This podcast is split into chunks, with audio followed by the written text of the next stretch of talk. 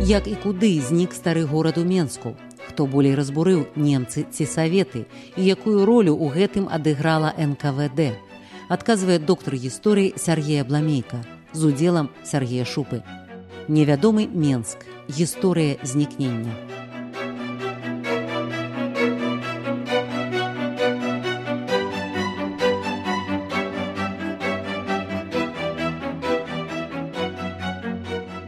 Добры дзень шаноўныя слухачы у студыі радыё свабода я Сергея бламейка і мой калега Сергей шупа. Всем добрый дзень наш падкаст прысвечаны старому менску. Гаворка пойдзе пра маю ўжо напісаную але яшчэ не апублікаваную кнігу невядомы менск. Гісторыя знікнення Нас Сергея можна назваць дзецьмі менскага бруку. Мы абодва нарадзіліся і выраслі ў Менску і вельмі балюча перажываем паступовую страту нашым родным горадам свайго гістарычнага аблічча. Тэма сённяшняй гаворкі стары горад у Менску, дзе ён быў і ці быў наогул і першым пачаць я бачу што ў сергея ўжо ўзнікла пытанне так так так ты сказаў пра менскі брук. У нас брук трошки розны мы былі раскіданыя геаграфічна але ты не менш менск быў той самы і скажы як у цябе вот это захапленне менскам узнікла ты героі этого подкаста я тут табе буду дапамагаць цікавыя розныя пытанні задаваць і раскажы гісторыю вось адкуль узялася ідэя гэтай кнігі? Як ты дайшоў да такого жыцця? Кі я абараніў дысертацыю цяпер так. ты доктар гістарычных навук. Так, калі ласка. так. кароткі адказ гэта моя бабуля. Больш доўгі адказ можа гучаць так. Маім жыцці так склалася што некалькі гадоў я жыў і выхоўваўся бабуляй без бацькоў. А бабуля была старая мянчучка яна нарадзілася ў менску. Наогул моя сям'я жыве ў менску з канца 19 стагоддзя роднае месца бабулі это дом насупраць кіно перамога на вуліцы інтэрнацыянальнай у менску. І все сябры жылі на старой нямізе яшчэ не збуранай. Я маленькім хлопчыкам там хадзіў памятаю тыя двары. Гэта нашыя мясціны мясціны майго дзяцінства Скажи, нямігу разбурылі калі табе было колькі дзесяць гадоў нямігу разбурылі ў 1972 годзе і з гэтым звязаная адна з маіх дзіцячых алюзіяў і ўспамінаў на стары менск аднойчы бабуля ўзяла мяне з сабой у горад прывяла за руку і мы сталі на мосце над нямігай. Па праспекце тады машэрва цяпер пераможца. Тады паркавая магістраль. Так, так конечно тады паркавая магістраль мы глядзелі як будаўнічая тэхніка цяжкая. Кран такі вялікі чыгуннай бабай разбіваў дамы на нямізе якія суседнічалі са школьным дваром. Это я цяпер ведаю што это адзін з манастырскіх будынкаў 17 стагоддзя быў. Бабуля плакала а я стаяў такі засяроджаны і разумеў што адбываецца нешта важнае. Гэты ўспамін засеў мне надоўга ў памяць. Ну і нашы дні вечары праходзілі часта пад аповеды бабулі пра вайну і яна часта з крыўдай мне расказвала пра жудасныя бамбаванні э, савецкія менску ў часе акупацыі. Э, просто літаральна даходзіла да такіх вар'яцкіх рэчаў як апісанне дзечы кішкі былі на якіх слупах і дратах. Пасля такіх бамбаванняў называлася прозвішча грызадубава іншых лётчыкаў. А вось калі у менску з'явілася таварыства так званая стары менск которое занялося нібыта э, рэстаўрацыя ад імя гарвыканкама менскага. Это было ў пачатку двухтысячных гадоў я зразумеў што менску пагражае небяспека ператварення ў нейкі такі губернскі горад. Яны пачалі знішчаць аднаўляць з новых матэрыялаў. і мне тады напісалася эсэ пра это няшчасны менск якое называлася каханы горад яно было апублікаванае ў нашай ніве з працягам у некалькіх нумарах у сакавіку 2005 году. І мае знаёмыя сябры пачалі настойваць каб я это эсэ выдаў брашурай ну, это, это нават і рэгор барадулін быў владимир орлоў і іншы дубавец. Натуральна я задумаўся як яе праілюстраваць пайшоў у фонды музея вялікай чыннай вайны з'ездзіў у дзяржынскі архіў паглядзеў што маю. І аказалася што нейкім дзіўным чынам у менску было разбурана і пасля вайны аказалася разбураным тое што было ў прынцыпе запланавана да разбурення ў тридцатыя гады даваенным генплянам менску. Мяне это зацікавіла стаў больш цікавіцца і ўрэшце рэшт моя цікавасць прывяла мяне яшчэ у двадцатыя гады нават у падзеі семнадцать девятнадцать года калі менск рабіўся сталіцай беларусі. Вось такім чынам ну нарадзілася гэта але брашуру ты тады так і не выдаў. Ці не шкадуеш пра гэта Не, ну таму што напісалася цэлая кніжка. Ну а можа оно адно аднаму бы не шкодзіла і выйшла брашура, кагосьці можа яшчэ б зацікавіла, захапіла, а кніжка б сваім чарадом прыйшла. Так так і больш за тое справа скончылася тым, што я нават па свеце паехаў па замежных архівах і знайшоў некаторыя фоткі, так сказать, навізна якіх ужо пракісла ў пэўнай ступені, як у бундесархіву апублікаваў калісьці знойдзеную мной там калекцыю. Вось, але тым не менш ну што цяпер казаць але давай трошки забяжым наперад ты все ж таки сказаў што маю напісаную яшчэ не апублікаваную кнігу калі давай такі кароткі анонс даму калі этую кнігу нарэшце можна будзе чакаць і тады мы працягнем я спадзяюся што тэкст будзе скончаны разам з працай над нашим падкастам бо я цяпер раблю як бы рэкапітуляцыю рэвізію гэтага тэкста які прыляжаў 10 гадоў фактычна напісаны рыхтуючы гэтыя падкасты я пераглядаю буду нешта папраўляць. Я думаю што ў наступным годзе тэкст будзе гатовы да выдання. Добра значыць вось ты ў такой падводцы згадаў пра так званы стары горад. Я ну прызнаюся што такі мікратапонім ці тапонім гарадскі бы не надта пашыраны ў менску. Мы ведаем там чулі. Верхні горад там няміга траецкае прадмесце там тое прадмесце сёе прадмесце. Стары горад так вот як у, у варшаве старувка э, сяна местэс у вільні. У менску неяк не, не было чуваць такого. Что это за стары горад? У наш час э, ужо не было чуваць. І э, я яго таксама не ведаў. Толькі пачаўшы збіраць інфармацыю пра менска цікавячыся тым што ўжо было напісана я даведаўся што сапраўды у менску стары горад быў. Быў такі спецыяльны раён і такі мікратапонім. Гэта быў вельмі ўстойлівы мікратапонім старым горадам да вайны называлі раён замчышча нізкага і рыбнага рынкаў з вуліцамі замкавай новай мясніцкай падзамкавай завальнай старамясніцкай э, казмадзем'янаўскай школьнай няміскай там часткова гандлёвай вуліцы і падзамкавай на балоце. Ад якіх сёння нічога не нічога не засталося. следу. А все яны за выключэннем вон той якую мы называем падзамкавай на балоце пазней саматужнай былі забудаваныя вельмі шчыльна мураванымі дамамі і шчыльнасць забудовы квартала ў гэтай частцы старога менску дасягала 80 процентаў. Напрыклад аркад смоліч у 1919 годзе ў сваёй геаграфіі беларусі вось піса мы можемм працытаваць у шырокай лагчыне паміж замкам і высокім месцам знаходзіцца гандлёвы асяродак менску такую ролю гэтая мясцовасць грае спрадвеку наагул мусіць тут і пабудаваўся спачатку менск. Недарма ж народ дагэтуль называюць гэтую лагчыну лагчыну старым местам.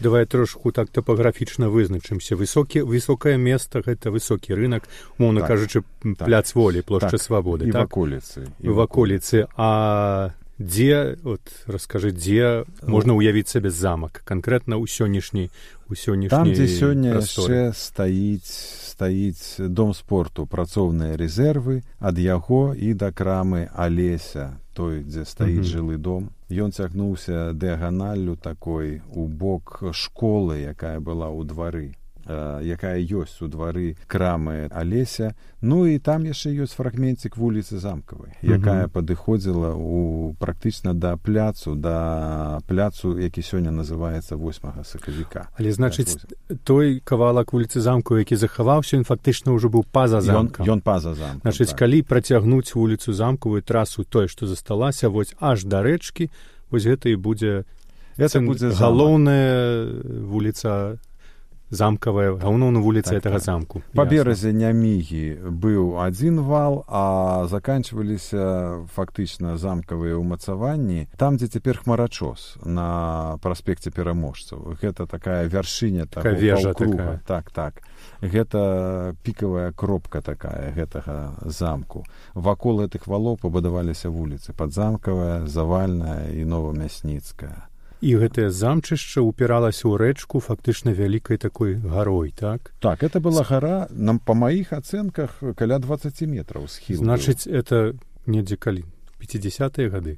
56 год калі зрылі 20 метраў можа менш можа менш таму что это там такі это ж частка вала была так? Пасля это зноў была у бок так званых татарскіх агародаў схіл гэта пакідала дваякае ўражанне з аднаго боку это была замкавая гара з другого боку ішла ж наверх туды э, там яшчэ былі большыя валы гарадскія ўмацаванні бастыёны там дзе цяпер шпалерная ракаўская. Mm -hmm, это з другого боку. Так так. Адпаведна тым не менш это месца называлася замкавай гарой і з, з, з боку свіслачы яно выглядала э, гарой. Значыць калі залезці на дах этого спартового як ён завецца дома спорту дом дом спорту працоўныя дом трудовые резервы значыць калі мы нават узлезем на дах все роўно мы яшчэ не будзем стаяць як бы на вяршыні этого узрытага бо колькі там метраў пять шесть вышынёй так? Значыць так, это было яшчэ яшчэ мінімум При, я думаю то прыблізна так яшчэ адзін два таких будынкі адзін на адзін паставіць каб злезшы на яго можна было стаць і паглядзець так як людзі яшчэ семьдесят гадоў таму маглі бачыць менска Магчыма, так, я думаю, што магчыма так, гэта выглядае так.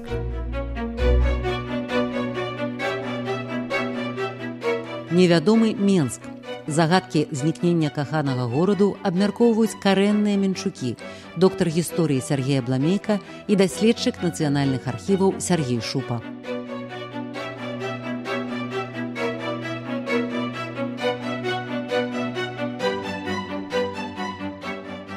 Трэба сказаць что фактычна у, у старыя часы да 16 стагоддзя у менску быў яшчэ адзін стары горад. Ён быў на траецкай гары. Некаторыя гісторыкі лічаць што менск там і утварыўся менавіта на траецкай гары там дзе цяпер знаходзіцца оперны тэатр там было дзве царквы ў 14 16 стагоддзе існавалі асноўныя святой тройцы і узнясенская і фарны касцёл менскі все гэтыя будынкі былі драўляныя і у выніку пажараў 16 стагоддзя і асабліва ў выніку нападаў маскоўскіх сярэдзіны 17 стагоддзя гэты стары горад так сказаць заняпаў але замак быў уласна кажучы на правым беразе свіслачы на гэтай горцы. А скажы траецкае прадмесце таксама лічыцца часткай траецкай гары? У такім так. такім сэнсе ліч у гэтым сэнсе лічыцца так і часткай таго яшчэ старога гораду Значит, просто эта вуліца сённяшняя богдановича просто разразала. На ці тады можа і не было ну нешта было была была. Там конечно была іншая планіроўка мапаў вельмі шмат і яна ўвесь час мянялася паколькі забудова пераважна была драўлянай то вельмі лёгка за двадцать тридцать гадоў мянялася трасіроўка вуліц плюс мы ведаем што у тыя старыя стагоддзі менск вельмі часта выгараў ледзь не да нуля так так так. Але чаму мы лічым каштоўным тую частку менску які называем сёння старым горадам які знік у часе падзеяў сярэдзіны два стагоддзя да ваенных ваенных і пасля ваенных то гэты стары горад быў каштоўны тым што ён быў мураваны. Там знаходзілася адна з першых мураваных вуліц менску касмадзем'янаўская я б сказаў што яна была першай цалкам мураванай вуліцы. У канцы 17 стагоддзя яна ўжо была цалкам мураваная. Давай зноў жа ж просто вызначым яе. Змадземянаўская так калі выходзіш з цяперашняго праваслаўнага сабору так і па па сходах спускаешься гэтая лесвіца з балюстрада так. якая цяпер ёсць яна фактычна перакрывае часткова трасу гэтай вуліцы. Яна пачыналася паміж двума гасціннымі дварамі, адзін з якіх сёння ёсць вялікі гасцінны двор або дом шменкеля, як мы называем там, дзе цяпер рэстарацыі. І паміж тым, который цяпер азначаны там нейкімі броўкамі і, і дзе фантанчык зроблены. Там яшчэ 20 гадоў назад стаяў стаялі будынкі это малога гасціна насупраць сабор. Так вот паміж імі пачыналася эта вуліца якая крывой ламанай лініяй ішла ўніз бліжэй да рэчкі туды она выходзіла на ніжні рынок. Гэта вуліца казмадзем'янаўская бо унізе пры ёй стаяла царква уніяцкая кузьмы і дзям'яна таму яна так называлася добра ну мы сабе трошки па нейкіх старых здымках уяўляем сабе вось гэтыя ваколіцы і здаецца там не было ніякіх такіх больш-менш выдатных будынкаў якія под захаваліся ў памяці такіх нейкіх архітэктурных дамінантаў нейкіх я маю навазе вось паміж як казаў смоліч. Калі спускаешься ўніз вось ад нямігі ідзеш на поўнач у замчышча вот напоўна жоўтая царква кацярынінская это апошні такі відны будынак а там нічога. Чаму гэтая менавіта частка менска важная? Чаму ты выбраў як бы засяродзіў на ёй сваю увагу вот ты сказаў чаму яна важная? Таму што архітэктурная вартасць кожнага горада гістарычна складаецца фактычна з двух элементаў. Это гарадскія дамінанты і шараговая забудова Ну, дамінанты это нейкія это храмы храмы вежы палацы. вежы все і шараговая гарадская забудова. І вось да гэтага часу гісторыкі мастацтвазнаўцы пераважна звяртаюць увагу якраз на гэтыя дамінанты ратушы саборы кляштары там або палацы. І ў прынцыпе это апраўдана бо яны маюць вялікую мастацкую вартасць але шараговая гарадская забудова мае сваю функцыю. Вот гэтыя простыя мяшчанскія і або купецкія дамы. Во яны ўтвараюць нешта э, важнае і не менш вартае для кожнага еўрапейскага гораду это гістарычнае гарадское асяроддзе. Бо менавіта вось гэтае гістарычнае гарадское асяроддзе стварае замкнутасць гарадской прасторы камернасць яе. Яна вот калі можна так сказаць збалянсоўвае і завязвае дамінанты падкрэслівае іх значнасць і мастацкія вартасці я б сказаў што без гэтага шарагога гарадскога асяроддзя губляліся б дамінанты на маю думку вартасць шараговай забудовы гарадской яно мае ідэалагічную функцыю паколькі сведчыць пра цывілізацыйную прыналежнасць таго або іншага гораду вот сёння менск нягледзячы на тое што ў ім барочныя там асталіся гэтыя церквы але без гэтага асяроддзя ён ужо яны існуюць без кантэксту без кантэксту. Ты ўжо бачыш што это ўжо рассея дзе на горках часта будавалі на голых горках храмы так? І хочам мы таго не хочам але ў менску ўзнікла такая сітуацыя. Таму это вельмі важна. Пры тым што чаму ў Европе такога не ўзнікла бо ў Европе ўжо з 1745 года калі аўстрійская імператрыца Марія Тэрезія подпісала эдыкт об ахове помнікаў там ужо ахоўвалі помнікі. Я тут вот гляжу у мяне ёсць недзе тут цытата нават. У гэтым эдыкце 1745 года пісалася ніводзін мастак скульптар ці архітэктар ніводзін майстар ці прафесіянал які мае дачынення да аб'ектаў спадчыны ці сучаснага мастацтва што з'яўляюцца грамадскім здабыткам і могуць быць пашкоджаныя ў працэсе рамонтных работ. Не могуць праводзіць працы без папярэдняга вывучэння сутнасці як прапанаваных работ так і самога твора членамі акадэміі. Это сур'ёзна это ўжо этым займаліся акадэмікі ўжо ў восемнадцатым стагоддзе ў Европе эту практыку аўстра-вугоршчыны пазней пераняла практычна вся Европа за выключэннем бальшавікоў так сказаць савецкіх. Я б яшчэ хацеў дадаць тут не толькі вось гэтая сама прастора самы ты гістарычна-архітэктурны кантэкст ёсць у, у, у гэтых вось старых дамах недамінантных. І і ёсць нейкая свая спецыфічная эстэтыка скажем у, у трасіроўцы вуліц. Просто я памятаю у вільню калі спускаешься ці падымаешься па зарэчнай вуліцы праз зарэчча літаральна кожныя 10-15 метраў істотна мяняецца перспектыва. Яна ўвесь час як змея віецца і гэта стварае такі вельмі незвычайны эфект просто і тая прастора кожны раз раскрываецца перад тобой і штосьці падобнае было калі меркаваць захаваных фатаграфіяў у гэтай вуліцы казмадзем'янскай. Кай я ведаю людзей якія цікавяцца захапляюцца гісторыяй вось такого старого знікла ў менску. Это ледзь не адна з люб... най... найбольш улюбёных вуліц таму што яна таксама стварае такі эфект. Ты ідзеш і кожныя пять десять метраў перад табой раскрываецца нешта нечаканае і вось такое так, штосьці так ну менавіта ну гэта я якраз я сфармуляваў так. Магчыма это недакладна але я это называю камернасцю гарадской прасторы. Так яна яшчэ больш закрывае потому что яна перспектывы бы... вялікай да. І у нас таких вуліц было конечно некалькі бо а, былі і завулкі яшчэ паміж рыбным рынкам там і вуліцай школьнай. Былі праходы этих вуліц было і не адна і завальная і подзамкавая і, і, і новамясніцкая былі крывымі была крывой няміга была крывой зыбіцкая гандлёвая. Так што гэта там было. Но можна працытаваць таксама сыракомлю у нейкі момант такі падыход да перастварэння урбаністычнай прасторы як бы змяніўся нейкім іншым. Прыйшла Расія так? Калі настал вось гэты пералом і калі пачала знікаць такая вось камернасць і калі пачалі пракладацца шырокія простыя лініі якія адкрывалі прастору як уже як бы беларус выйшаў з лесу і трапіў у стэп я б сказаў так.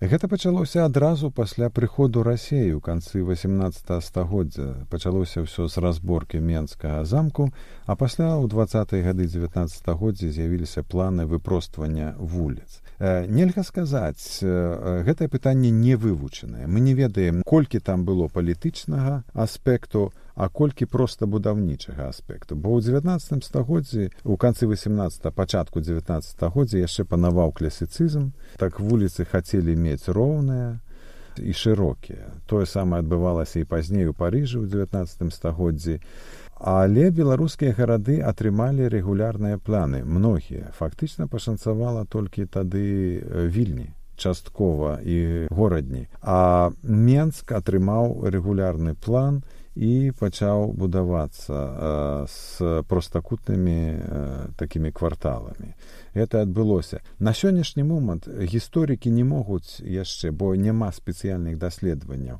колькі там было палітычна якую ролю адыграў той славуты заходні камітэт які прыраўноўваў заходнія губерніі да расійскіх унутраных губерняў колькі там было ідэалагічна складніку колькі проста гаспадарчага але у кожным выпадку спачатку 19 стагоддзя пачалося выпростваванне вуліц ну але ў стары горад гэта не прыйшло. Это было ў часе пашырэння гораду на так званае новае место. Новое место это недзе бліжэй да праспекту сённяшні мовы кажучыкі пля так, так. сённяшні. Там здаецца рынок быў быў новамесцкі быў быў быў. Рынок і там ужо была зусім іншая сітуацыя. Нам пашанцавала ў гэтым сэнсе што стары горад менску захаваў тую старую планіроўку і вельмі добра што ты сказаў пра наул трасу вуліц бо паводле хартыяў еўрапейскіх пра рэстаўрацыю і рэгенерацыю гарадоў самай каштоўнай з'яўляецца гарадская планіроўка калі нельга рэгенераваць помнік няма дакладных дакументаў то прапануецца проста аднаўляць аб'ём але на тых трасах якія існавалі каб захаваць менавіта трасіроўку вуліц. І прынцыпе пляны якія існавалі яшчэ 20 гадоў назад якія складаў владимир папруга менскія яны пачыналіся з гэтай самай трасіроўкі найперш архітэктурна-планіровачную структуру аднавіць пазначыць на мясцовасці дзе ішлі тыя вуліцы. А пасля ўжо калі можна закрываць аб'ёмамі тымі ці іншымі. Тое самае цяпер робіцца ў дрэздане. Дамы не капіююць не рэгенеруюць стараюцца паўтараць толькі знешні іх выгляд. Кам это нельга назваць рэгенерацыяй кожная канкрэтная дома але можна назваць рэгенерацыяй квартала? Ужо закрыта цалкам новы рынок у дрэздане ў наш час цалкам ужо адноўлены Мне здаецца варта працытаваць для нашых слухачоў рэдкі тэкст сыракомлі, які знаходзіўся таксама пад уплывам новых ідэяў 19 стагоддзя пра шырыню вуліц. Калі памятаю ён параўноўваў менск з вільняй і не, не, на, якой... не на карысць вільні так, так это праўда ён казаў... бы нас сёння не зразумеў. Але ён таксама параўноўвае людзей і норавы. Ён скажем казаў што менскія модніцы абсалютна пабіваюць віленскіх тут і адзяюцца лепш і ўсё такое. Але Унутраны выгляд гораду вызначаецца акуратнасцю і парадкам пісаў сыракомля вуліцы шырокія прамыя дамы не заціснутыя паветра чыстае скрозь даступная павевам ветру настолькі што нават вуліцы дзе жыве выключна габрэйская бедната можна праходзіць без гідлівасці якую напрыклад у нас у вільні выклікаюць вуліцы жмуцкая або жыдоўская муры і бярвёны дамоў пафарбаваныя ў белае выглядаюць лепей чым у вільні дзе рознакаляровая стракатасць камяніца рэдка дадае часцей псуе выгляд найпрыгажэйшага будынка. На вуліцах няма тлуму, бо ўсім тут прасторна, а будынкі найбольш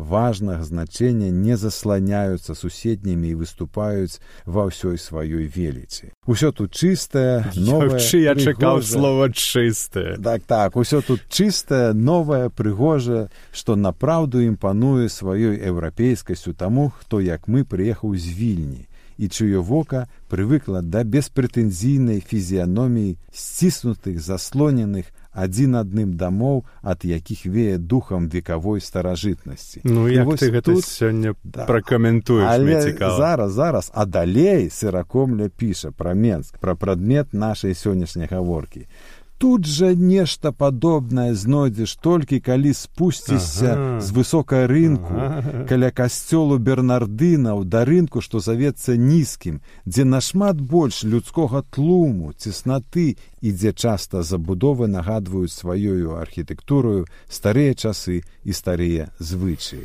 вось ён адным сказам апісаў ніжні рынок і ўсе яго ваколіцы mm -hmm. которые мелі крывыя вуліцы кантрафорсы ў дамах частыя аконныя рамы, дубовыя брамы, дахоўку і все астатняе стар'ёнейкае так так так. Для сыракомлі гэта было старое а для нас сёння это найкаштоўнае пра што мы уласна кажучы гаворым і па чым тужым невядомы менск гісторыя знікнення наступны падкаст Сергея абламейкі і Сергея шупы праз тыдзень подпішыцеся Усе падкасты свабоды ў інтэрнэце на адрасе свабода кропка орг. Штодня у любы час у любым месцы, калі зручна вам. Свабода кропка орг. Ваша свабода.